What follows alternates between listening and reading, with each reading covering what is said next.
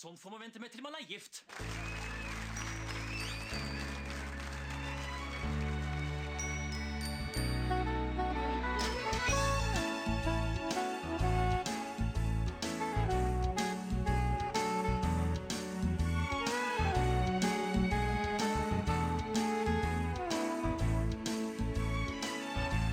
Hei, velkommen til en ny episode av Norsk film filmpodkast. Podkasten hvor vi ser norsk film med et kritisk, men kjærlig blikk. Jeg heter Emil, jeg sitter her som alltid med. Stefan heter jeg. Tut, tut, tut, tut. Nå kommer toget.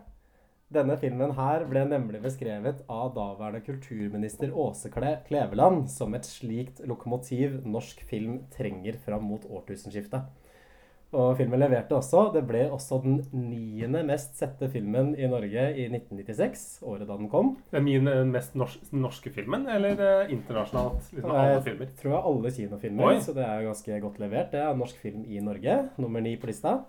Den vant også en eh, rekke priser. Den vant Amanda-prisen for beste debutfilm, som gikk til regissør Vibeke Itzøe. Den vant Grand Prize og beste spesialeffekter ved Fantafestivalen. Hæ? Ja, det er det den heter. Hadde aldri hørt om den festivalen før jeg leste Wikipedia-siden til filmen det er snakk om eh, i sted. Og den vant hele tre priser for regi, beste film og beste spesialeffekter ved Malaga International Week of Fantastic Cinema. Den festivalen der, ja, den er jo anerkjent. Den henger høyt, den her. Jeg vurderer at jeg skal begynne en sånn ny greie nå. At jeg skal finne på en sånn fiktiv filmfestival av de jeg leser opp. Så kan du, kanskje du kan eh, gjette på hvilken som er reell og hvilken som er eh, feil. Ja, det er Malaga er vel fake, da? Nei, alle disse her er ekte, men til neste episode så skal jeg ha en eh, fake filmfestival. Eh, filmen det er snakk om, det er noe så sjelden som en barnefilm som finner sted inne i kroppen til en gammel mann. Vi snakker om 'Jakten på nyresteinen', regissert av Vibeke Itzøe. Gjennom flere tusen år har vi forsøkt å avsløre menneskekroppens hemmeligheter. Vi har tegnet plansjer. Vi har skrevet avhandlinger. Men vi har aldri opplevd denne mystiske verden med egne øyne. Før nå.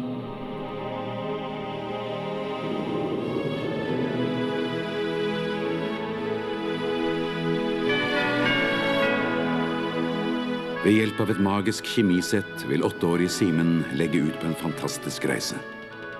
Jakten på nyresteinen kan begynne. Jakten på nyresteinen, den mest fantastiske norske film som noensinne er laget. Like spennende, like morsom, like underholdende for voksne som for barn. Jakten på nyresteinen. På kino over hele landet fra 4. oktober. Ja, eh, og den, den, filmen her er jo Jeg kan jo begynne. Jeg har jo, jeg har jo sett Jeg så jo den et par ganger da jeg var kid, for den var jo i min, midt, i min, midt i smørøyet for meg.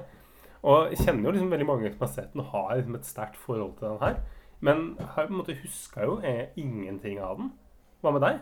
Nei, jeg også har sett den filmen her veldig mange ganger, må det være. Fordi da jeg så den i går, så ble jeg liksom slått at jeg huska nesten hele filmen, sånn scene for scene.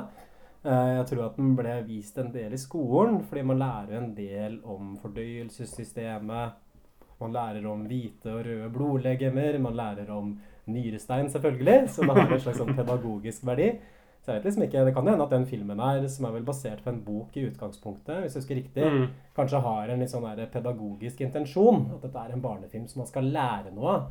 Sånn som man dreiv med før man fikk eh, TikTok og Teletubbies og Paddington og vet da faen. Instagram og jeg vet ikke hvor ungdommen vanker i dag.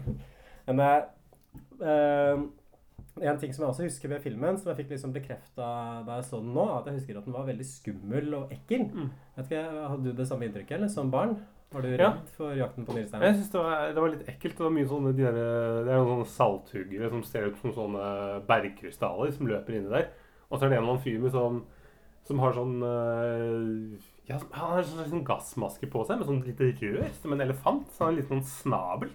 Jeg skjønte aldri helt hvem det var, men det var i hvert fall en sånn skummel fyr i noen svart drakt. Det er en dårlig dårlige ånden, så han er på en måte de salthoggernes uh, second in command. Mm. Og det var det han var. Mm. Og dette her er jo også filmen som lanserte skuespillerkarrieren til Benjamin Helstad. Eh, kjent for mange for rollen som han gjorde i 'Kongen av Bastøy'. Har du sett den, Stefan? Ja, men øh, Benjamin Helstad han gikk meg hus forbi. Men Jenny Skavlan la jeg merke til. Hun er jo en bærende rolle i den filmen her. Hun er jo en veldig minneverdig figur. Hva er det hun heter igjen i filmen? Aviola eller Areola eller et eller annet Jeg tror det er Aviola. Jeg har aldri sett deg her før. Hva heter du? Simen. Og du? Alveola. Så fint navn. Jeg er oppkalt etter dette stedet. Det er her moren og faren min møttes. Det er ikke så fint som det en gang var her.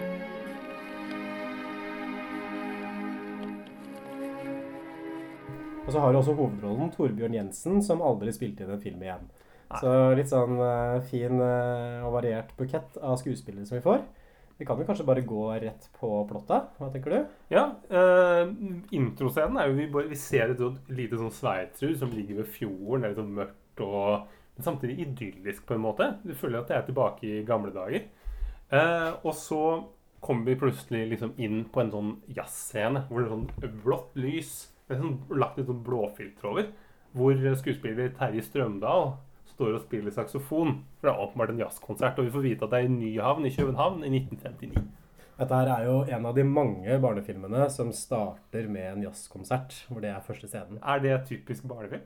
Jeg tror kanskje det er det eneste. Ungdommens musikk. Det som er, som er morsomt med 'Jakten på nyresteinen', at den slutter jo faktisk på en jazzkonsert også. Så det, det tror jeg jeg kan si ganske trygt. Altså at det er nok den eneste barnefilmen som både starter og slutter med en eh, scene fra en eh, jazzkonsert. Vi, og som vi vet, så elsker jo barn jazz. Det er jo på en måte deres favorittsjanger nummer én. For at barn er så frie og åpne, ikke sant? ikke sant? akkurat som jazzen sjøl. Det skal improviseres, de har ikke noe sans for regler og rutine. Og det er som jazzen, skal være fri.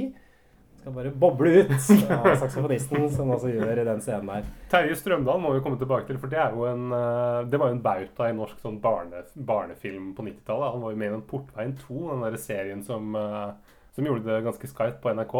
Mm. Det var ikke så mange andre barneserier, som måtte, den måtte jo gjøre det ganske skarpt, for det var ikke noe, var ikke noe alternativ. Spiller ikke Geir Kvarme i Portveien 2 også? Stemmer det? Er ikke det, nei, er ikke det Jarl uh, Golia? Er det Jørgen? Blander du nå? Han spiller nummer 13, han. Er det derfor jeg spør, spør deg, Stefan? Jeg vet jo ikke dette her. Det er Portveien eh, Nei, for det eh, enkel huskeregel er uh, nummer to er uh, Jarl Goli.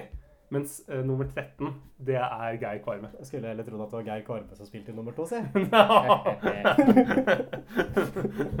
sånn humor det må vi være åpne for her i Norsk Film Filmpodkast. Skal klippe ut det der.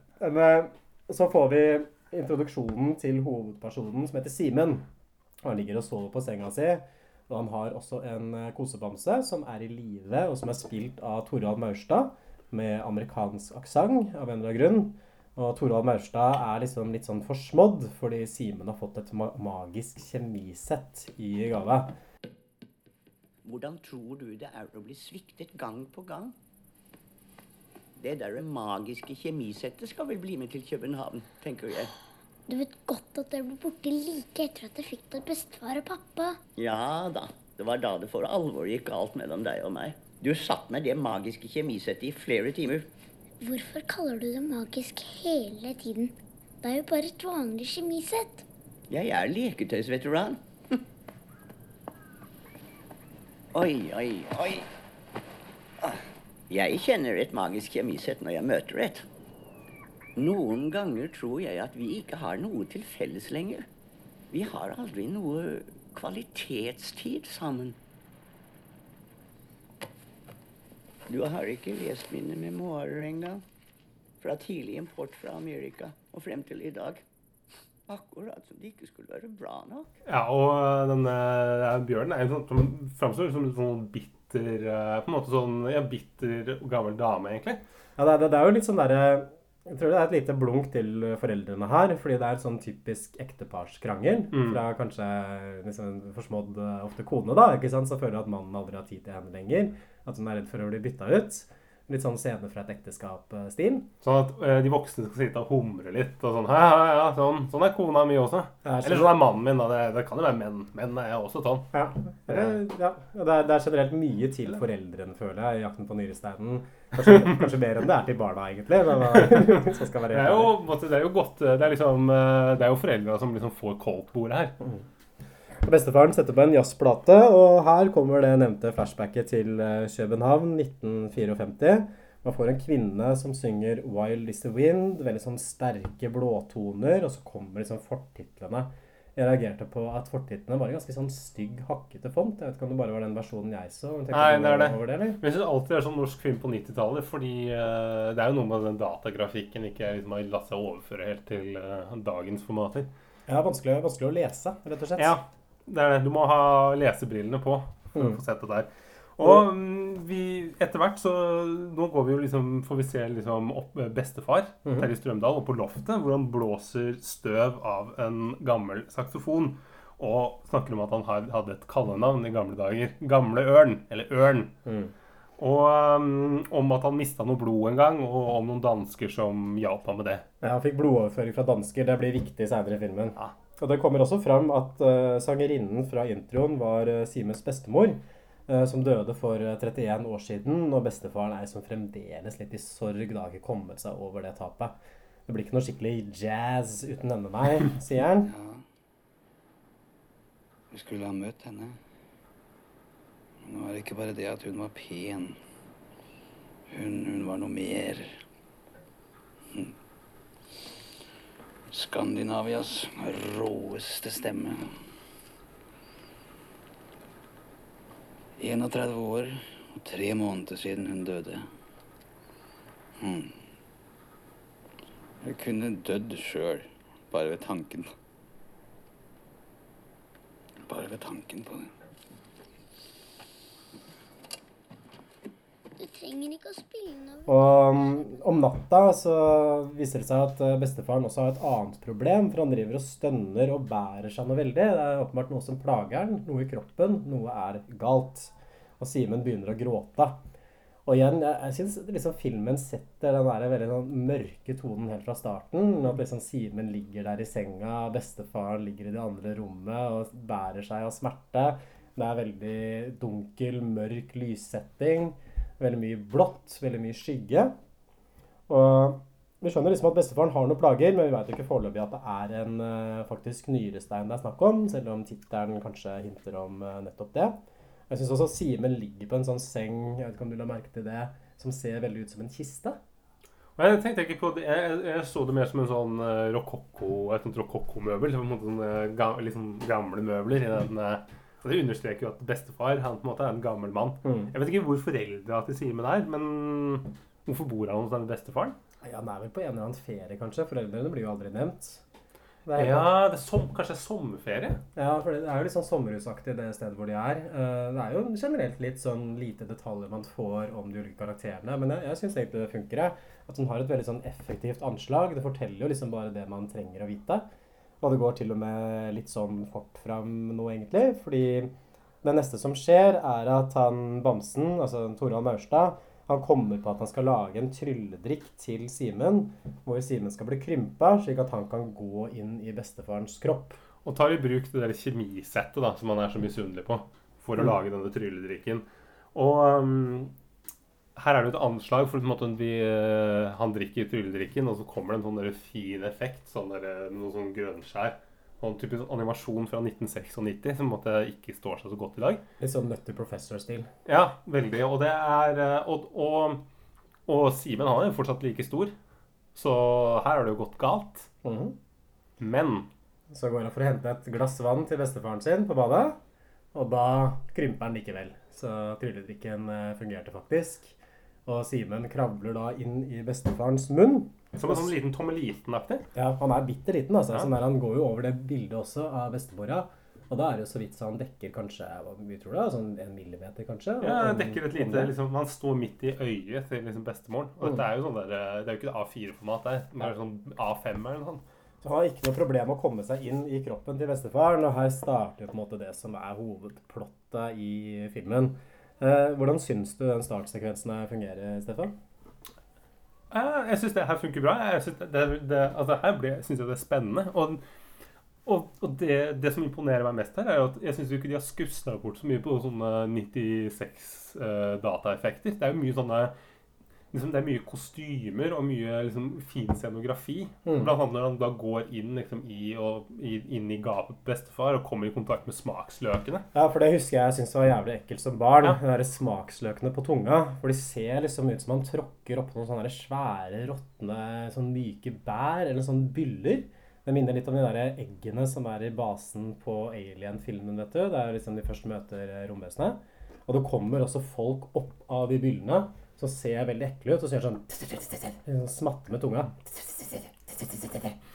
Så det, det, og de skal jo ikke være noe truende, egentlig, men Nei. de har et veldig sånn grotesk, ekkelt utseende. Så ganske hard start, syns jeg, på den kroppssekvensen. Ja, og med noen sånne eh, forseggjorte masker og Alt ser liksom ut som at det er laget i en sånn derre Litt noen sånn silikonaktige greier. Ja, veldig mye tråder og liksom slintre sånn som går hit og dit. Det er litt sånn alien-inspirert, egentlig. Ja, de, de, de, liksom de der smaksløkene snakker liksom inn i en sånn der kjøttaktig mikrofon som de tar opp. Uh, da ringer de opp i nervesentralen, og nervesentralen liksom ser ut som en sånn der lysekrone som liksom bare henger mot en sånn svart bakgrunn. Egentlig ganske sånn slående visuelt, og så er det veldig sånn overeksponert, og sånn det skinner av den. Uh, samtidig som at alt også framstår som veldig sånn organisk. Så jeg må si sånn gjennomgående så føler jeg at eh, sånn settdesignet og det visuelle i filmen her syns jeg egentlig var veldig, veldig bra. Ja, det syns jeg også har holdt seg veldig godt nå fortsatt. Og det som er litt gøy, du hører det er, Jeg tror det er mye dubbing der, fordi inni den der nervesentralen så er det jo to menn som jobber. Og en, en av dem har stemmen til Trond Brenne. Eller begge har stemmen til Trond Brenne. Eh, vi blir også introdusert eh, i den scenen her for uh, salthoggerne, som på en måte er liksom hovedskurken i filmen. Eller skurken til Nyresteinen er på en måte hovedskurken der. Men salthoggerne de er på en måte nyresteinens fotsoldater. Sånn som de der eh, Imperial Troops i Star Wars, nesten. Og de ser ut som en sånn slags sånn krystallvesener. At de, de er veldig liksom sånn der kantete Liksom, liksom, Men se- Bare se for deg liksom en, en bergkrystall med, liksom, som er litt blassere. Liksom med, med et slags fjes og bein. Så kan du på en måte se Sånn ser det ut. For Mm. deg som ikke har sett filmen, da. Og her også, som om liksom ikke dette her er marerittaktig nok, så bestiller nervesentralen da et skrik. At det er liksom sånn det fungerer. At nervesentralen får på en måte signaler fra kroppen, og så bestiller en eller annen sånn reaksjon. Og da printer de ut en veldig sånn stilisert tegning av en sånn ansikt som skriker. Og ansiktet ser liksom ut som en sånn japansk dødsmaske eller noe sånt. Sånn veldig sånn ekkelt. Altså- Tegna i kull. Så Ja. Altså, det er sånn skikkelig sånn der rein lidelse, liksom, dette ansiktet. Det er ikke noe forskjell på å gjøre dette her noe søtt eller noe barnevennlig i det hele tatt. Og de sender da dette her gjennom et sånt rør da, som på en måte er liksom nervetrådene som kommuniserer rundt omkring i kroppen til bestefaren. Ja, for det er de kommuniserer med et slags sånt rørpostsystem. Med sånne hvor du legger liksom brevene opp i sånne små sånne flakonger som du da sender gjennom, gjennom årene til bestefar. Uh, like etter dette her eh, marerittbildet av den skrikende bestefaren blir sendt av gårde, så blir vi introdusert for filmens eh, andre av tre hovedpersoner. Uh, Dette her er Karta, som er et hvitt blodlegeme, og det er han som er spilt av Benjamin Helstad. Når vi møter ham, så står han og vasker seg i en spyttkjertel. De kaller meg Karta. Karta? Mm. Karta Hvitte Blodlegemersen. Ansatt i Kroppens Kartverk AS. Jeg har ikke kommet så veldig langt på karta. Mm, Jeg har ikke vært ansatt så veldig lenge. Han er liksom Eller hvordan vil du beskrive Karta som type? Eh, hissig og liksom eh, han, er, han er ikke noe han er, liksom, Det er ikke smil, glimt i øyet eller smilet på lur. Han er på en måte en litt sånn, ser litt sur ut. og Har på en måte, ser ut som han har trukket en sånn oppvaskhanske over huet. Som på en måte er sånn spraymala i noe hvitt. Ja. En hanekam. En Ja, slags sånn- en slags hanekam. Ja, som ser også litt ut som en sånn finne på en fisk eller noe sånt, ikke sant, over huet. Ganske, ganske kult gjort. Ja, Han er en litt sånn bøllete type, men du skjønner jo med en gang at her er det en eller annen usikkerhet. At han er egentlig bare kjip fordi han er usikker, og Mm. kanskje ikke tror at folk liker han. Så det skjønner jeg godt. når Ja. han er sånn. Så han er på en måte han solo da, ikke sant, til, til uh, Jørgen, til hovedpersonens uh, Luke Skywalker. Hvem er han solo igjen? Han solo fra Star Wars. jeg tror ikke Det vi er så lenge siden jeg har sett jeg tror ikke vi trenger å, å forklare referansen der. Nei, Folk vet hvem uh, Bjørn Solo er. Ja, for da liksom Simen som er han streite, heroiske hovedpersonen, og så er det Karta som egentlig er den mest interessante av dem, men som kanskje er hakket for usympatisk til å være hovedperson sjøl. Ja. Det er en fin balanse mellom de, syns jeg, og så får man jo Jenny Skavlan som prinsesse Leia da litt seinere. Jeg syns det er en fin balanse mellom, mellom den gjengen. Jeg, jeg syns det. og nå vet du, nå kommer også den som du snakka om i stad, nemlig den dårlige ånden. Uh, den ser litt ut som de der legene under svartedauden, hvis du har sett hvordan Ja. de som, Det er sånn der insektaktig utseende sånn lang snute og sånne runde briller. Ja, det var sånn maske som du skulle ha på, for da ble du ikke smitta, og så ble du jo smitta likevel. Ja, og en sånn sånn heksehatt på huet. Ja, det, eller er det, ikke, er det ikke noe sånn der, Det er noen sånne der hackere som har tatt liksom samme kostyme i bruk. Mm. De ser, for du ser jo ut som en fryktinngytende type. Ja. Det er, Hvis, sånn Hvis du vil gå liksom rundt i, i byen og at ingen hilser på deg, så må Mm. du gå med et sånn uh... så kan man kle seg som en dårlig ånde fra på er, jeg tror ikke Den dårlige ånden står også går liksom rundt og spyler masse sånn gul røyk da rundt omkring i munnen der. Og det viser seg også at den dårlige ånden kommuniserer med disse salthoggerne. Så han er på en måte deres uh, politi, da. Eller sp- spion. Ja, fordi det, det skjønte ikke jeg helt. Det, det forsto ikke jeg. Jeg syns det gikk litt fort, altså. Litt fort i svingene. Er du sikker på at det er ikke bare du som ikke har fulgt så godt med? da? Kanskje At han sitter på telefonen eh, Nei, ja, telefonen en helt annen ende av eh, gata her. Altså. Når jeg, eh, når jeg jobber for Norsk Film Filmpodkast, så gjør jeg det skikkelig, og da følger jeg med 110% Ja, men det, det går litt si 120. Men det går litt fort fram i starten her, altså jeg kan medgi det. Så det, filmen har en litt sånn her interessant pacing. Altså Rytmen i filmen. Her kommer vi jo ofte tilbake til at uh, norske filmer ofte har et litt sånn tempoproblem. Jeg syns ikke 'Jakten på nyresteinen' er den verste i så måte. Nei, nei. Men man merker litt at tempoet blir på en måte treigere og treigere jo lenger ut i filmen man kommer. At det går kjappest på starten, og så treigest på slutten. Ja, for jeg reagerte på det at den er veldig kvikk i begynnelsen. Mm. At måte, Det er bare rett på, så er han inne i kjeften til bestefar. Ja. Det, er, måte, det er ikke mye introduksjon her. Det tar det er kanskje sju-åtte minutter. Så er han en liten tass inn i eh, og møter de der eh, smaksløkene. Men jeg, jeg tror kanskje at det er sånn med noen norske filmer, i hvert fall hvis du lager filmer i Norge for et norsk publikum Jeg tror ikke de som lagde 'Jakten på nyresteinen' tenkte at den filmen der skulle bli sett i utlandet. Bortsett fra på denne Malaga-festivalen og på Fanta-filmfestivalen, selvfølgelig. Så da kan man jo kanskje gå ut fra det at publikum kjenner til premisset for filmen før de ser den. Ja, for at Så har lest så mye om barneskuespillere. Ja, eller bare at de har fått med seg at filmen kommer, liksom. Men det var en sånn annen tid også, hvor en film som dette her var liksom garantert å få masse publisitet. For det hadde ganske høyt budsjett, tror jeg, til norsk film på den tiden. Så da tenker de kanskje at de kan ta seg den friheten og bare gå litt kjapt gjennom anslaget, for at publikum allerede veit hvor du skal. Mm. Jo, men det, det er enig. Det ble jo sikkert diskutert i det der eh, filmprogrammet til Pål Bang-Hansen og Mm. garantert. Eh, vi drar videre nedover i kroppen her. Nå begynner liksom ferden innover og nedover i bestefars eh, skrått. Første sted vi kommer, er til stemmebåndsoperatøren. Så det er han som fikk den bestillingen på det skriket i stad. Som er vel han som er ansvarlig for eh, talen, eller for alt det som kommer ut av kjeften. Ja, det er en fyr som sitter ved et sånt eh, sånn slags sånt pumpeorgel og, og komponerer da, disse skrikene. Han snakker jo om det at han liksom han, han er en komponist, og nå har han fått en bestilling på et skrik. Det er jo som et, eh, jo som et slags firma, dette her. Han, eh, eh, han eh, Karta snakker jo om at han jobber i hva er det, Kartsenteret AS. Så det er, det er sånn åpenbart ja, Kanskje litt sånn klasse, klasse Eller monopolkapitalismen som har kontroll inni kroppen her. Jeg vet ikke, Emil. Du har jo alltid noen gode analyser. Ja, det, det, var dine ord. Jeg kan ikke toppe det der. og ta en monopolkapitalisme. Det tror jeg er første gang som nevnes på denne podcasten her. Kanskje bortsett fra i episoden om Fredrikssons Fabrikk The Movie. Jeg tror vi er inne på monopolkapitalismen der også. Eh, I hvert fall, eh, Stemmebåndsoperatøren er en slags sånn desillusjonert kunstnertype. Og det får man jo tydelig inntrykk her også av i, i filmen, at den kroppen her er jo på alle måter på vei litt sånn nedover. At det er ganske sånn forråtna, og folk er slitne og leie. Og ting går på en måte ikke sånn som de gjorde før. Hvis man har vært inne i kroppen til Simen, så tror jeg tenker at det ville sett litt annerledes ut enn det veldig dystre universet vi får her. da. Litt mer sånn teddybjørnaktig. Det er jo sånn eh, Vi ser jo vi ser jo annet lungene hans, og de er fulle av tjære, og det er noen som liksom driver og vasker ut tjæren og Ja.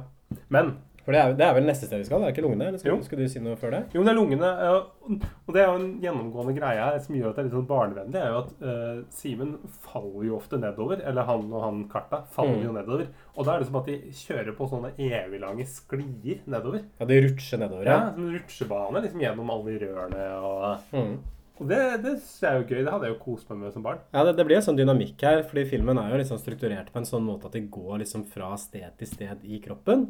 Så da liksom disse transportetappene, som ofte går sånn kjapt unna, som på en måte er filmens sånn actionsekvenser, hvor det rutsjer frem og tilbake. Og så kommer man liksom fram til et sted, f.eks. til stemmebåndet eller til lungene eller til hjertet, og så får man en eller annen sånn scene der hvor du lærer liksom å kjenne disse forskjellige karakterene som, som jobber da i de ulike organene. Mm.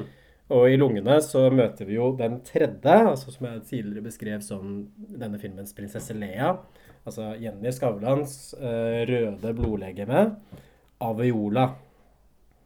Så hva kan man si om Aviola, Jenny Skavlan?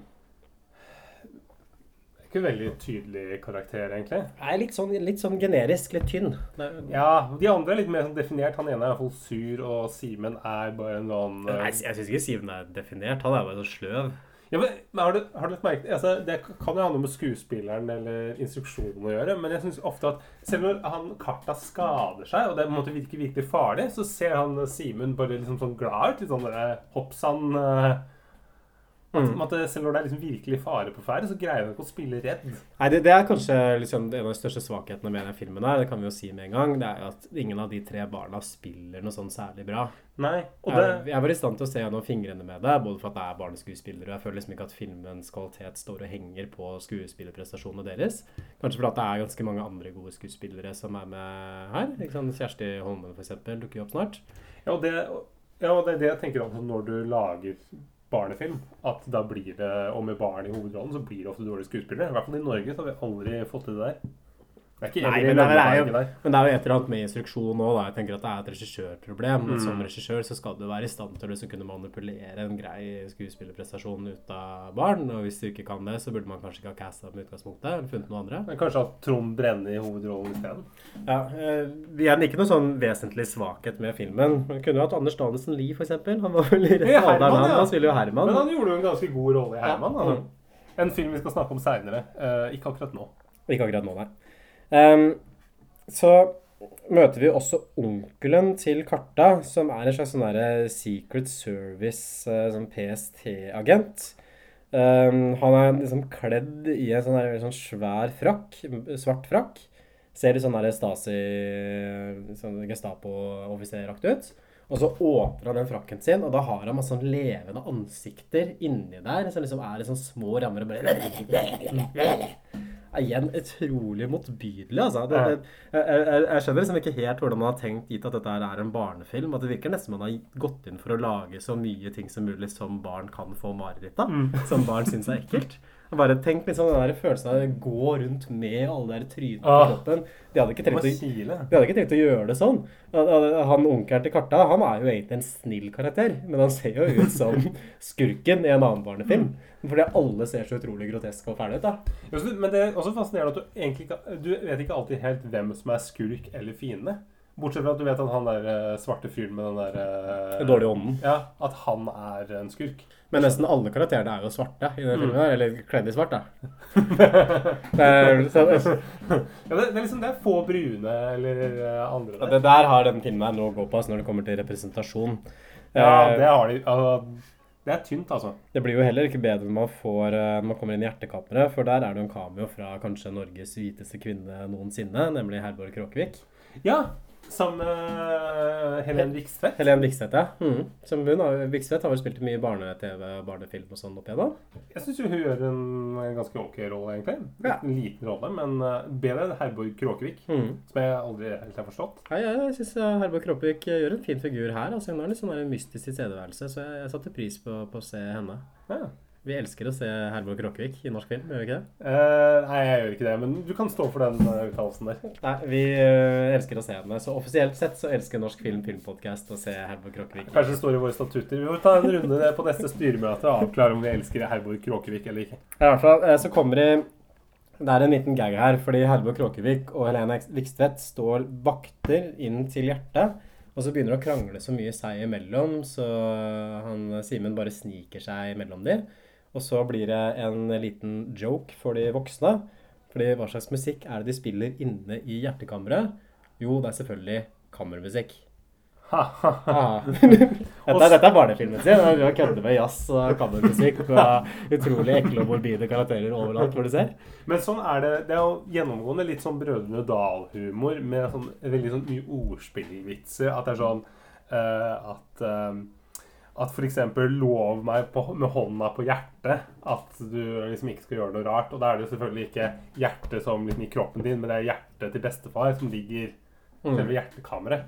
Det er mye sånne, sånne vitser, litt sånne ordspillvitser. Jeg føler at den filmen her er sånn som jeg ser for meg at barnefilmer var i sånn Tsjekkoslovakia under kommunismen, liksom. At det, for det er veldig sånn gravalvorlig, det er veldig høykulturelt. At man har liksom referanser til jazz og kammermusikk. Det er sånn estetisk utfordrende, sånn speisa. At det ser jo ut som en kunstfilm, dette her. Det ser ikke ut som en barnefilm i det hele tatt. Og i tillegg til at du har den der liksom pedagogiske intensjonene at ja, nå skal vi lære om kroppen dere. På en mor morsom måte. Det skal bli moro! Og dere barn, dere tror at biologi er kjedelig, men hva hvis vi lager en, eh, en eventyrfilm som er satt inni kroppen til bestefar? Det er gøy. og så kan vi stå og vaske oss i spyttet til bestefar i. Og bestefar han er til og med kul, for han spiller saksofon. Mhm. Et av de hippeste instrumentene som fins. Det er jo veldig sånn sær sånn, ja, En film som bare kunne ha blitt laget på statspenger, føler jeg. Denne filmen der hadde aldri blitt laget i kommersiell filmindustri. I kommersiell filmindustri så hadde bestefar spilt keyboard. Han vært mye kulere. Nei, bestefar hadde vært rapper, ja. Yo, yo, han hadde sagt da. Bestefar. Elsker du gamle ørn? Ja. Jeg elsker sjefen min. Lover du, med hånden på hjertet, At kjærligheten alltid vil seire slik at du aldri gir opp?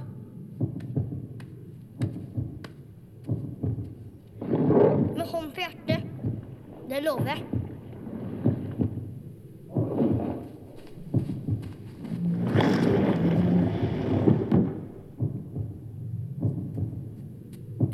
et fremmedlegeme? Ja, et fremmedlegeme. Ja. ja, hva gjør vi med den inntrengeren? Vi slipper han ikke inn. Nei, Hæ? det gjør vi ikke. Må vi tenke klart? Det vi må gjøre, det som jeg tror er smart her nå, er at vi tar og setter han inn i et lite bur. Og så observerer vi. Og så slipper vi han inn, så har vi det gående her. Da kommer de én etter én etter Ja, etter og de Ja. Ikke sant? Ja, Og de der formerer seg. Det, det, det har det vi vet tar opp alle jobbene våre. Nettopp. Vi tar opp alle jobbene våre. Inn i bur.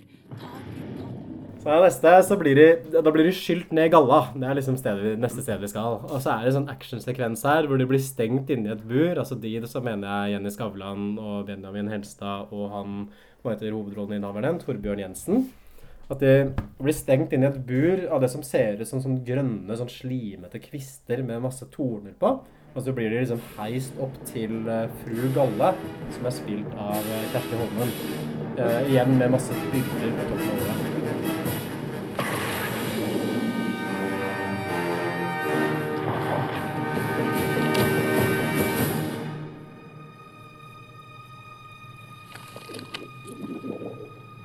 Ingen slipper unna fettkontrollen her i gallen. Her blir dere til dere er kvitt valpefettet deres som.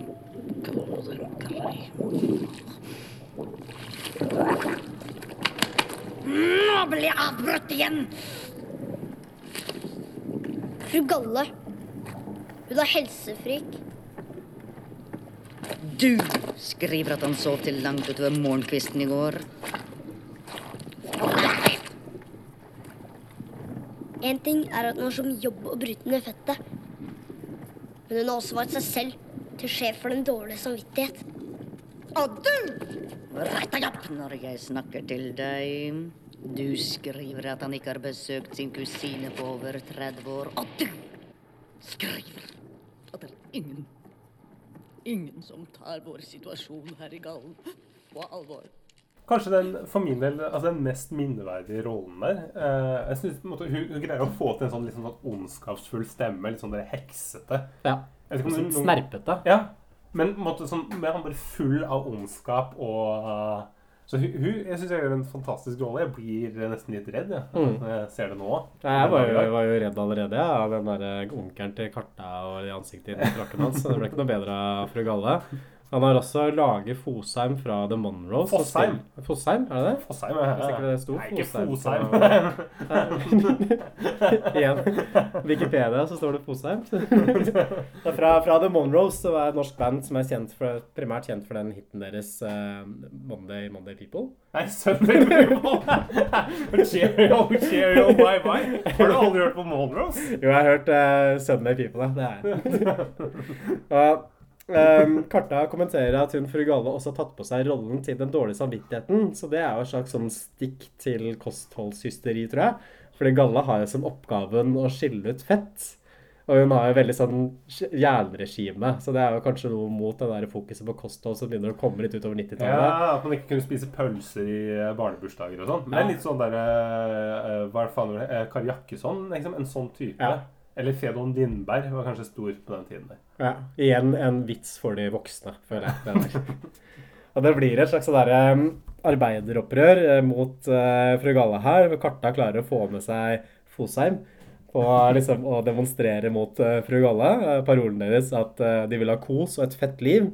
Og så tar fru Galle og gurgler opp masse sånn grønn dritt som ser ut som oppkast, egentlig, og spytter i trynet hans. Er, ikke det det Galla? på Ja, sikkert. Men det ser jo ut som spy. Eller litt sånn fløbberslim. Ja.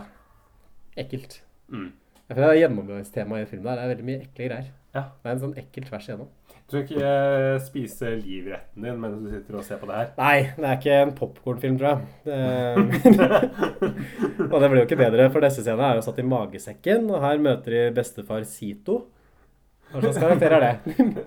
Jeg skjønte aldri helt funksjonen til bestefar Sito, men det er, på en måte, det er åpenbart en sånn vis mann som sitter der med sånn langt skjegg og langt hår og måte som han, han sikkert ikke klippet det på ti år. Ja. Så sitter han i en sånn stol, og så prøver de vel å få noen sånne visdomsord ut av han, eller få hjelp. Men han kommer vel egentlig ikke med noe hjelp? Han, han, han, snakker, han snakker fransk, og så er det også en liten joke her òg, skjønner du. Fordi bestefar Sito har flytta fra hjernen til magesekken. Fordi du kommenterer at i tidligere livet så var det hjernen til bestefar som bestemte, men eh, nå som jeg er gammel, så har det blitt magen. Så jeg er helt klart en eh, vits som sikkert slår an blant de aller yngste. Det er veldig store forutsetninger for å relatere til det der at mat blir viktigere når man begynner å trekke opp med pensjonsalderen. Hvis det noe, hvis det er noe barn liker, så er det humor om det å bli gammel. Ja, det, det blir, men eh, Sito tar hvert fall forteller om at de trenger vann for å ta knekken på de salthoggerne. Og der kommer liksom at Filmen er jo egentlig mer sånn episodisk, føler jeg. Sånn Først så går det dit, og så går det dit. At det overordna plottet forsvinner litt sånn i bakgrunnen. Mm. Men her blir det kanskje etablert det som blir liksom plottlinja. Fordi de skjønner at de må ha med seg vann for å spyle vekk salthoggerne, og for å spyle vekk nyresteinen til slutt, slik Mm. at bestefar kan få pissa. Og ehm, nå igjen, det går videre. Vi møter Nå kommer jo den der eh, vitsen med de der danskene. Poenget med at han slapp dette her med at var, han fikk dansk blodoverføring. For nå møter vi de danske blodlegene. Og som alle andre dansker så koser de seg jo og sitter og tar seg en uh, lille en. Mm. Og liksom drikker og spiser og har det gøy og maser om det nordiske samarbeidet. Det er en sånn blodsprengt gjeng som sitter i og skåler og rødmussete typer. men, men, men hvor Men igjen, dette her er jo en sånn voksenvits. Altså, hva er det barna skal få ut av dette her? At de, de vet jo nesten ikke hva alkohol er for noe engang? Når de har vært i, har vært i Danmark, så har de vel bare tenkt på røde pølser og sånn. Men det er kanskje derfor de er så røde i fjeset. Altså, altså femåringer som sitter og tenker og ser filmen her og ler godt og bare Ja, typisk dansker for noen drukkenbolter. og dansker er så opptatt av nordisk samarbeid. Jeg føler bare det er nordmenn som er opptatt av nordisk samarbeid. Vi går også straks videre til eh, det som kanskje er den beste kameoen her fra et rent sånn kjendisståsted. Og tenker du på Borten Faldås? Nei, jeg tenker ikke på han. Jeg tenker på en viss eh, kjent eh, komiker og sosiolog. Eh, Er det Kristian Valen? Kristian Valen er verken eh, sosiolog eller komiker. Det er i hvert fall Harald Eia. Han spiller togtankoperatør sammen med vår favoritt, kjent fra 'Kvinnen i mitt liv', Gard Eidsvoll. Ja, det kan virke litt underlig at vi tåretankoperatører står her og spiller mens det hender så mye underlig. Men... Problemet er at gamle ikke griner lenger. engang. Så det er verken bruk for mine gledestårer. Eller mine triste.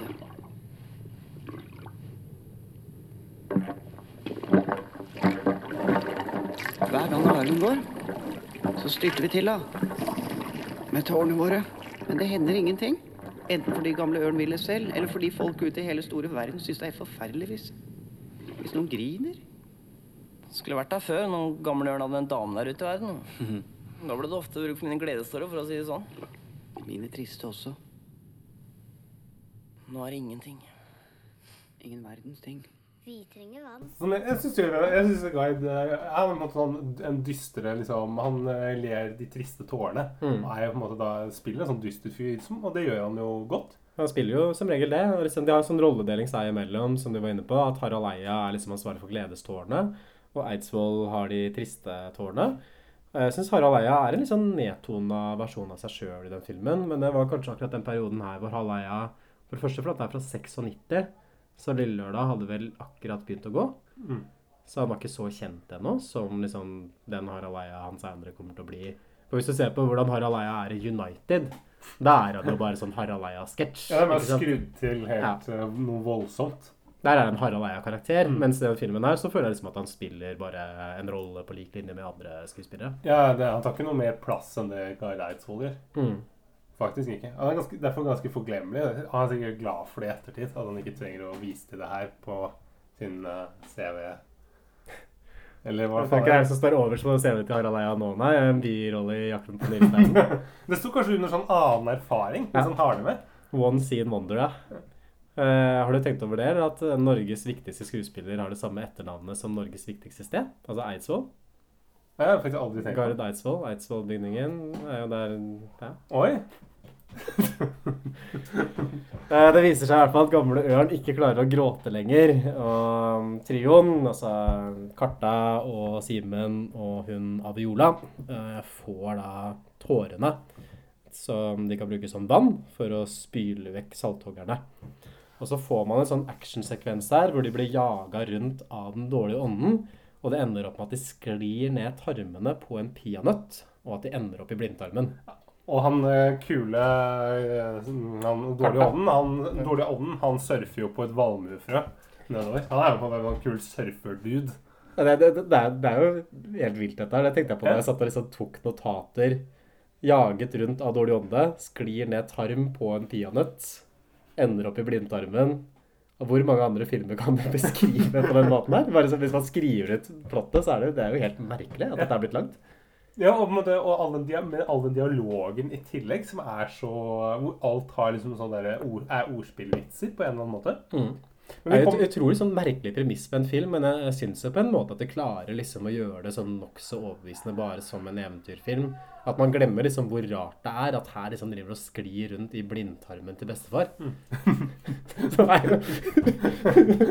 jeg, er ikke så, jeg er ikke så veldig fan av liksom folk som sier sånn at ja, de har røyka weed i denne filmen der, men her begynner jeg litt å lure. Altså, sånn, hvor kommer den ideen herfra? Det er noen rusmidler inni bildet her, Mm. og det er sterkere enn alkohol. Og vi, vi begynner å få litt sånn splid der også, for Karta er veldig sur og kritisk og negativ til alt det som Simen og Jenny Skavlan foreslår. Og det er jo selvfølgelig fordi at han er forelska i Jenny Skavlan. Ja, han, han sier jo sånn at um, Han sier jo det. Han betror seg til Simen og sier at han er forelska i, um, i Aola. Og, og da sier jo Simen kommer med en sånn visdomsord at du må være litt hyggelig. Du må prøve å være litt hyggelig. Men ah, han sier, sier Karta sier bare at Avola liker jo bare deg uansett. Hun liker ikke meg. Avola, du bør nok dra hjemover. Hvorfor det? Dette er ikke noe for jenter. Det var jo jeg som reddet tåretankene. Når det kommer til stykket, er det bare muskler som teller. OK, skal vi bytte hånd bak? Nei! Jeg vil at du skal gå.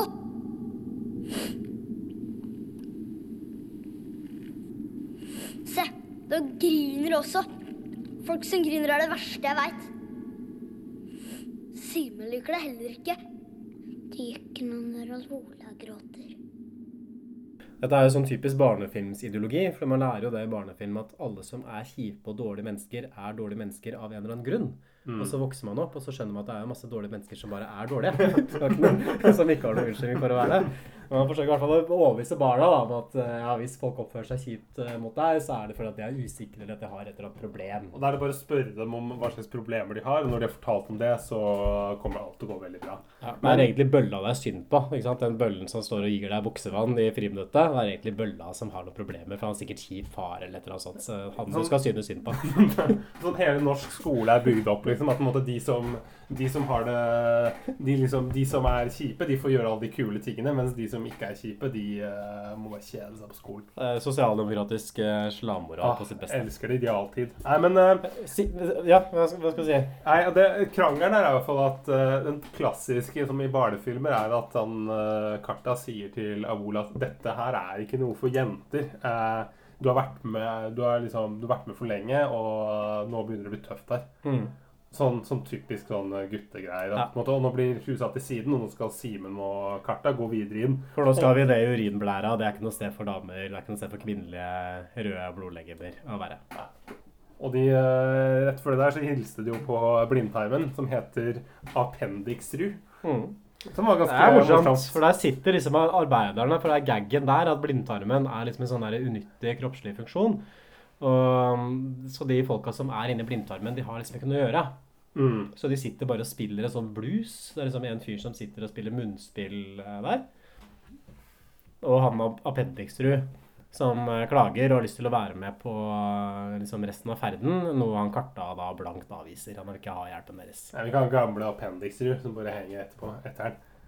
Det som også vi gikk litt sånn kjapt over nå, er at Simen også er jo forelska i noen. Det er ikke bare Karta som er forelska i Jenny Skavlan, men Simen er forelska i bestemora si. Som han bare har sett på dette bildet. Og, Ja. og så forteller til, til Karta at bestemoren er død. Og så sier Karta at bestemoren hans også er død. Og det reiser noen sånn interessante spørsmål for meg. Fordi er det liksom sånn at de hvite blodlegemene blir liksom født av foreldre, eller hvordan foregår den reproduksjonen inni kroppen der? Sånn, vi har vært sånn inne på det at det er organisert som en slags sånn bedrift, hvor liksom hver har sin plass. Men så, vi, så Karta har på en måte far og mor. Kan man han ha sex med Jenny Skavlan og få liksom et nytt eller sånt rosa blodlegeme? Hvordan fungerer så formerer de cellene i kroppen seg med hverandre, sånn som vi mennesker formerer oss? Det er sånn interessant. Ja, fordi eh, det, det er jo det som også er, er litt rart. Vi møter jo ikke den andre som er i familie her. Er det bare liksom, noe som er bare slengt ut for at liksom, barn skal føle at en relasjon til denne karta? Det er jo onkelen til Karta, da, han Secret Service-agenten. Ja, det er onkelen. Ja. Men han er jo Secret Service-agent, så han er jo en helt annen uh, rase igjen. Mm. hvordan på en måte har liksom har Hvordan er slektskapet her? Kan fru Galle for eksempel, kan hun ha sex med han Secret Service-agenten? Eller man møter vel også noen sånne hvite blodleger som er litt eldre tidligere i filmen, de punkerne. Ja, de som er sånn uh, 90-tallskule. Så de hvite blodlegene på en måte går igjen med et liv. da, så De blir født som babyer, og så blir de barn, og så som Karta er da, og så blir de liksom ungdommer, og så voksne. Du spør, uh, du spør godt der, Emil. Er grunnen til at du uh, jobber på universitetet. Hvordan fungerer det universet her? Det lurer jeg på. Og de møter uh, dårlig ånd igjen, og da klarer Jenny Skavlan å sette ham ut av spill med at hun danser litt sånn flamenco. Og så kan Det skjønte ikke jeg. Nei, det, det, det var litt sånn tynt, kanskje. Da ble han veldig svimmel. Ja, han prøvde liksom å danse med, og så ble han mer svimmel og måtte legge seg ned. eller noe sånt. Nei, Han bare fortsatte å danse rundt i ring. Mm. Eh, det gjør det et poeng av også helt til slutten av filmen. At på en måte etter rulleteksten så her kommer det et lite klipp hvor vi bare ser han dårlig ånd bare dans, fortsette å danse. Oh, ja, jeg kom ikke så langt. Jeg Nei, ja. Ja, fordi det, var, det, var en, det er virkelig for kjennere. Hvis du måtte virkelig kjenne filmen godt, så anbefaler jeg å se gjennom hele den rulleteksten på fire-fem minutter, og så se det siste bildet. For det, det var gøy. Den klassiske etter rulleteksten-scenen. Ja. Bonus-content for de virkelige fansa der ute, som f.eks. Stefan, og ikke meg, tydeligvis. Um, det kommer til urinblæra. Den viser seg å være helt tom. Knusktørr. Det er ikke noe piss der. Hva betyr det? Nei, det er jo de salthoggerne da, igjen. Så de står liksom og danser foran den nyresteinen. Og nyresteinen den ser litt så mye som en sånn svær klump, eller som en stjerne med sånne glødende hvite kanter som stikker liksom sånn spisst ut av. Og da forstår man jo at dette er som blokkerer liksom for bestefar. Men en ting som jeg syns er interessant med filmen, fordi den handler liksom om nyrestein, men forklarer jo egentlig aldri hvordan nyresteiner fungerer sånn for publikum. For nyrestein er vel sånn at hvis du har det, så klarer du ikke å få gått på do. Eller som mann, da klarer du ikke å få tisse, er det ikke det? At du må sånn sperre urinblæra eller et eller annet sånt. At piss ikke kommer ut. Det, det, er det, det er det jeg også tror, men det er jo liksom ikke noen eh, Til alle dere der ute så fikk jo jeg Jeg tok jo opp uh, igjen naturfag og fikk uh, faktisk en sekser, så jeg burde jo vite dette her. Mm. Eh, som privatist. Eneste faget jeg noen gang har tatt opp, faktisk. Altså, jeg fikk to i naturvitenskap, så Ja, det gjorde jeg dette her er eh, du først. autoriteten Ja, ja. Stefan. Jeg jobba meg opp, og, jeg skjønner det fortsatt ikke. Jeg ble til og med tatt opp i muntlig eksamen i kroppen og fordøyelsen. Ja. Så jeg er jo på en måte en slags ekspert, har jeg sier. Du kunne ha vært rådgiver du, på det filmet der. Definitivt. Og vi får en sånn actionscene hvor de liksom bruker de tåresekkene for å nedkjempe salthoggerne. Uh, igjen, jeg, jeg, jeg må si jeg er egentlig ganske imponert over først og fremst artdesignet. Jeg syns at alt i filmen ser veldig bra ut. Veldig troverdig ut. Så det er liksom på grensa til en slags sånn kunstfilm, syns jeg. Det kunne vært en sånn sær østeuropeisk animasjonsfilm, eller nesten en sånn type sånn body horror, skrekkfilm. Sånn B-film, men med litt sånn kunstnerisk vri. Eh, Jeg syns også effektene er ganske gode sånn gjennomgående. At det ser ikke noe sånn dårlig ut i dag for det meste. At noe av det, sånn når de sklir på den peanøtten gjennom tarmene til bestefaren, det ser man jo på en måte at der ser man liksom som konturer, at du ser at det er green screen. Men bortsett fra det så har jeg inntrykk av at veldig mye er spilt inn på sett med ordentlige rekvisitter, og da ser det automatisk mye bedre ut enn hvis det er animert.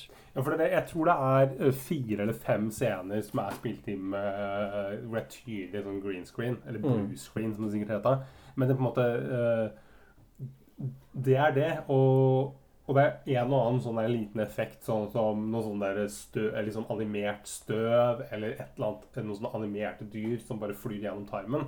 Men det er jo, virker nesten mer som en sånn derre at nødløsning. Nå kom ikke de kostymene til rett tid. Nå må vi lage noe her. Mm. Det, er, det, er, det er liksom Det er snakk om et, ja, fem-seks ganger hvor det er sånne ting. Resten er utrolig pent gjort, altså.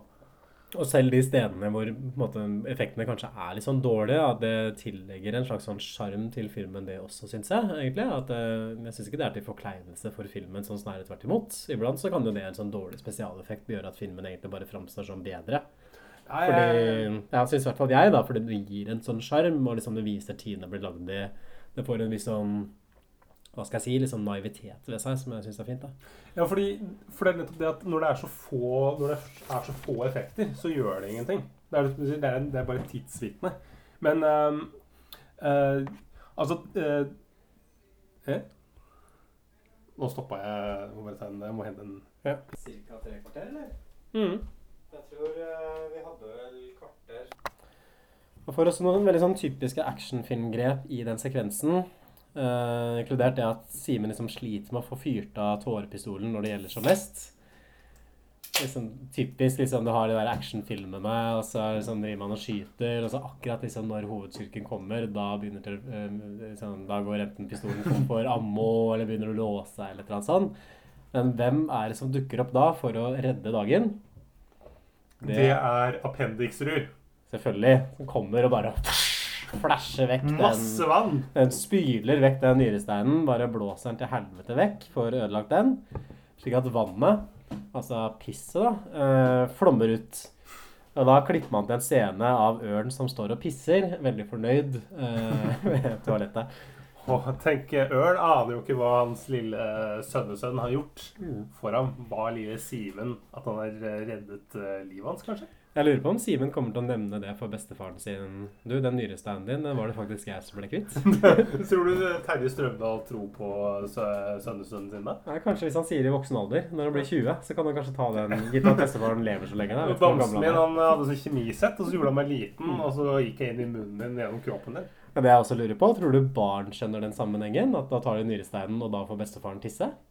Fordi jeg føler at man må ha en sånn forklaring, eller man må ha kunnskap om hvordan nyresteinen fungerer. At det Mm. er snakk om en sånn blokk av uh, urinrøret. Og, og filmen viser det jo, men den sammenhengen der, den tror jeg ikke er sånn innlysende for et barn på sånn 6-7 år, som kanskje er målgruppa for filmen. Men tror du ikke det er liksom en haug med barn, og de aller fleste barn som har sett det, syns bare det er en spennende film, og har egentlig lært noe når de er ferdig? Nei.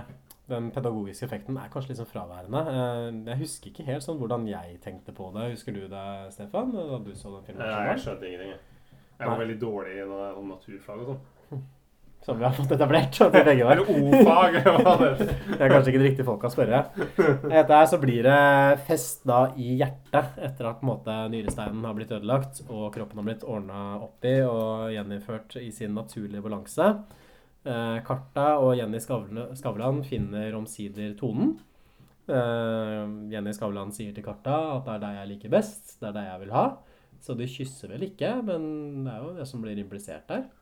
Ja, jeg, det der gikk meg litt hus forbi. Eh, Det eneste jeg husker, er den der at nå kommer vi Nå blir det en slags sånn seremoni hvor uh, Appendixrud får et kjede av gull fra liksom en eller annen konge eller dronning inni kroppen der. Mm. Og alle er glade og feirer, og det er god stemning. Mm. Og eh, Det, det, det Ja. minner litt om den der siste scenen i Star Wars-episode, den første Star Wars-filmen. Skjedde ikke det også med en sånn der prisutdeling? Kanskje. Eh, Jeg, tenkte mer på Olsenbanen eh, siste Aller siste kupp. Hvor, hvor Hermansen står og spiller sånn eh, fanfare og sånn, når Olsenbanen kommer kjørende inn på Fornebu. Så klart tenkte du på Olsenbanen, ja. Um, Simen får også endelig møtt bestemora si, som bor i hjertet til bestefaren. Litt sånn rørende detalj akkurat det der. Men det er fremdeles litt sånn der, eh, trist eh, tone over dette her. Eh, Stemmebåndsoperatøren han sier liksom at det er bedre å skrike ut og gråte enn det å holde ting inni seg, som åpenbart bestefaren har gjort da, i disse 31 årene etter at uh, kona hans døde. Det er verdens beste samlivstips. Det er på en måte det første du lærer på psykologistudiet. Få det sagt, ja. Mm. Og Simen kravler ut gjennom bestefarens munn og sier adjø til Karta og Jenny Skavlan og resten av gjengen inni kroppen her, og så er han liksom ute. Og så er eh, liksom hovedhistorien ferdig. Så filmen avslutter der den starta, i København, og bestefaren spiller en låt. Og så begynner plutselig bestemoren å liksom synge inni kroppen, og bestefaren drar liksom tidenes saksofonsolo. Og endelig så begynner tårene å strømme. At han endelig klarer å gråte over sorget av tapet. Ja, og han bestefaren er åpenbart en slags Jan Garbarek, for det lokale København er jo smekkfullt av folk. liksom Både unge, hipsters og alle mulige typer som åpenbart vet hvem han bestefaren er. Mm. Det hadde vært interessant å vite hvem han er. på ordentlig. Kanskje det er basert på Jan Garbarek. Hvorfor ikke? Ja, kanskje det er Jan Garbarek? Mm. Terje Strømdal Jeg vet ikke om han ligner. Og det er jo også en naturlig avslutning, syns jeg. ikke sant? Man har jo en barnefilm her som handler om hvordan man blir kvitt nyresteiner og kommer seg over at dama di døde for over 30 år siden. Og da er det ikke noe mer naturlig avslutning på en slik plott at det slutter på en innrøyka jazzpule i København. Som barnefilmer eh, flest gjør. Vi var inne på det i starten av episoden. Så um, skal vi gå over på helhetsinntrykk. Stefan, hva tyks? Uh, nei, altså eh, Noe av det jeg reagerer Hvis jeg skal være litt sånn kritisk til denne filmen, da. eh, det jeg reagerer på, er jo at eh, jeg syns det, det er så mye som er gjennomført, men der hvor de ikke har greid å, å løse liksom, filmen på en god måte, er jo det med barneskuespillerne. At de er så eh, det er så åpenbart at disse replikkene er så innlest. Mm. Det er på en måte, det er ikke ting barn Barn snakker ikke sånn at, eh, og sier at Oi, der var det en, en veskenapper. Mm. så, altså, det, det er liksom Den ordspillhumoren den klinger ikke så bra. Og jeg tenker at De har brukt så mye dubbing i filmen allerede. Så spørsmålet er hvorfor har de ikke dubba de barna? Hvorfor har de ikke liksom latt barna spille der og da, og så også dubba inn eh, de der monologene og dialogene i studio? Sånn som de gjorde med Emil Lønneberg og de, liksom, de svenske barnefilmene, hvor du da tenker at oi, her var det Emil spiller jo kjempebra, men det er jo fordi han er dubba.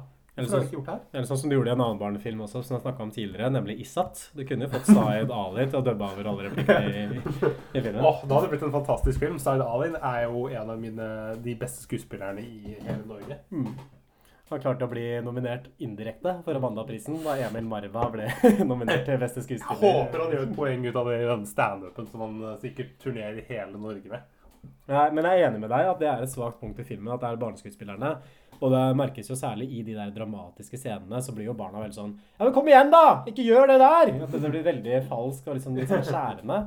Eh, For min del så syns jeg ikke det trekker seg veldig mye ned.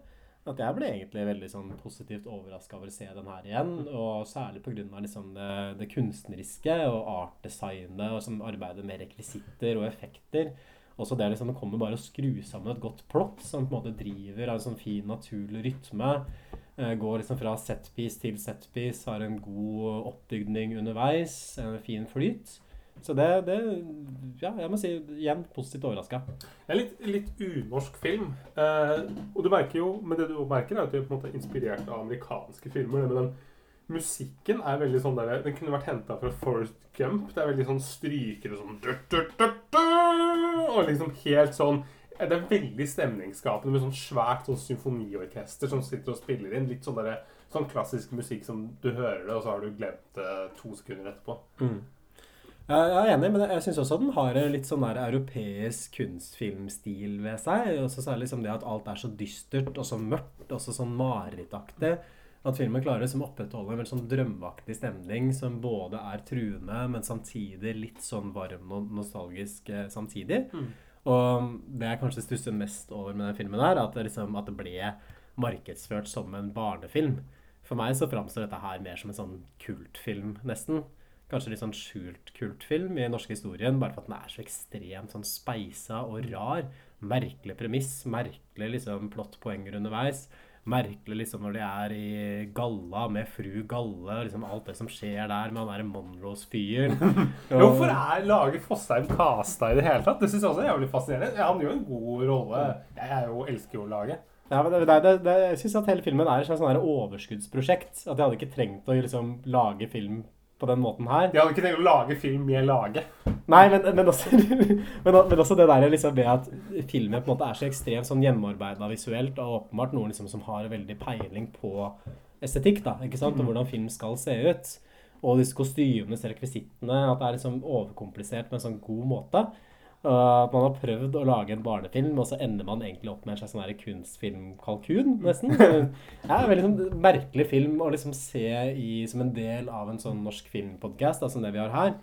Fordi den, jeg synes den, den stikker seg veldig ut fra den liksom gjengse norske uambisiøse filmen vi har sett. Ja, for det, det, det ligger jo helt åpenbart store ambisjoner der. Det det er på en måte både lagt penger i det, men det er også noen som har brukt de pengene liksom, som har, faktisk har smak. Mm. Kostymene er, det er, er utrolig bra gjort. Jeg ble jo, jeg ble jo litt sånn eh, Altså, jeg, tenk, jeg ble bergtatt over hvor bra filmen her ser ut når jeg ser den altså, så mange år etterpå. Mm. At man fortsatt blir like imponert og bare tenker sånn Oi. Ja, og så hvor mye liksom, arbeid som er lagt ned i kostymene, og særlig liksom det å bygge ordentlig gode sett. da, Mm. ikke sant? Ofte mesteparten av scenene, eller mesteparten av settene bruker man jo bare én gang. Fordi filmen går liksom fra sted til sted til sted. ikke sant? Så det er vel egentlig bare hjertekammeret som det er i to ganger, og så tunga da, helt på slutten. Eh, Men likevel så har man på en måte brukt, eh, liksom tatt seg bryet med å lage dette her til litt sånn troverdige locations. Men samtidig som det ikke er sånn helt sånn kroppsrealistisk også, at den har en veldig sånn kunstnerisk egenart ved seg. Og ofte så tenker man jo kanskje at barnefilm eller barnebøker er litt sånn håndverksprega. Jeg har inntrykk av at hvis regissører lager barnefilm, det er jo ikke det regissører helst vil gjøre, føler jeg. At man tenker at det er litt sånn enkelt. Barn liker whatever. ikke sant? Det er bare å putte inn noe sånn prompehumor, så liker de det uansett. Dr. Proktors prompepulver eh, eller, altså, eller dere Jørn Lier Horst, eh, småbarnsdetektivene. Det syns folk er gøy. Ja, det er, det, er ikke, det er ikke mye prestisje i det, og resultatene blir jo ofte litt sånn deretter. At det blir ofte veldig lettvint. Og en ting som man kan si om 'Jakten på nyresteinen', det er jo det at det er i hvert fall ikke en lettvint film. Nei, dette er en um, det er jo, det er jo en, det er en det er jo, Altså, du kunne gjort det veldig mye enklere og liksom sikkert fått omtrent samme kinobesøk. Mm. Det er jo bare Her, her er det faktisk noen som har ambisjoner om å lage noe. Det kunne gjort det enklere og fremdeles blitt den niende mest sette filmen i 1996. Jeg er faktisk imponert over at, det ikke er, at, den ikke er, at det ikke er flere som har sett den filmen. Mm. Men eh, det, er det, det er det jeg lurer på om det egentlig er en kalkun. For det er jo en, det er jo en film som har gjort eh, Den har gjort det skarpt. Og på en måte helt, helt fortjent, altså. Jeg tror det er en film som har i hvert fall satt seg veldig i underbevisstheten til alle som er i vår generasjon, som har sett den filmen i ung alder. Så det er, den er vanskelig å glemme. Jeg tror det er mange bilder i den filmen der som jeg kommer liksom til å gå rundt med ganske lenge. Altså. Spesielt kanskje han der serviceagenten med disse maskene liksom på innsiden av kroppen. Med frakk og frakken helt trukket oppover eh, øynene. Ja, Jeg syns jo det var skummelt som 32-åring nå, så jeg kan jo bare tenke meg liksom hvordan det har vært å se den filmen der som 6-7-åring. Hvordan eh, inntrykket hadde blitt da. Um, har vi noe mer å si om den, eller skal vi gå videre på terningkast? Ja, vi kan gå videre på terningkast. Jeg har, jeg har lyst til å gi to terningkast. den her. Mhm. eh, som barnefilm så er den terningkast tre. Men som, som kunstfilm, eller bare som film, så gir den nok en femmer. Mm. Hvis vi da summerer, så blir det, blir det nok en firer. Ja. Fordi eh, det, det har vært innbakt. Delikat, fint, men eh, Men jeg, jeg den, den funker den, Det er kanskje en familiefilm. Altså Kanskje litt som, eh, som restaurantkjeden Egon. At det på en måte er noe til alle her. At på en måte både liksom de barna kan sitte og liksom spise bananasplitt, mens bestefar kan spise pizzabuffé. Jeg er sikker på at det var akkurat det Vibeke Itzøe gikk inn for også. Å lage en film som kunne blitt sammenligna med Egon restaurantkjeden. 'Jakten på nyresteinen' det er norsk films Egon. Ehm, jeg vil kanskje også gi to terningkast. Altså, som en filmopplevelse så syns jeg den er litt sånn vanskelig å vurdere. For det er en film som jeg respekterer på et sånn kunstnerisk plan. Jeg ser liksom kvaliteten i det, og det er noe veldig egenarta. Så hvis man skal liksom bedømme ut fra det, så vil jeg liksom si at det kanskje er nesten et terningkast seks. At for det er så ekstremt unikt. Mm. Og det er så sært, og det er så rart at liksom den filmen her kunne blitt lagd Og på den måten Norge. og i Norge på den måten det gjorde det, og liksom ha den suksessen som det tross alt fikk. Fikk liksom et prosjekt som er så utrolig merkelig og sært. Mm. Jeg syns at det er bare, bare som en, en film som eksisterer, som har blitt lagd, så må man liksom bare si at ok, dette her er liksom noe av det mest sånn egenarta som norsk film kanskje noensinne har kommet Mm. opp med. Som jeg aldri trodde at jeg skulle si før jeg så filmen i går. Jeg trodde at dette kom til å bli en sånn typisk sånn kalkunepisode hvor vi ba- vi bare sitter og slakter og ironiserer. Men det er faktisk en film som er litt vanskelig å være ironisk mot, altså. Det er, eh, til alle ungdommen der ute så er det litt som den norske filmen 'Blackout' fra 1986. Ta og se den. den eh, det er litt det samme, som bygd, hvor det bare er bygd opp en sånn kulisse som ser ut som sånn 1920-talls eh, liksom New York eller Harlem eller et eller annet sånt. Mm. Så ta og se den. Det, er noe av den samme følelsen. Det, måte, det, er, det, er, er så sært.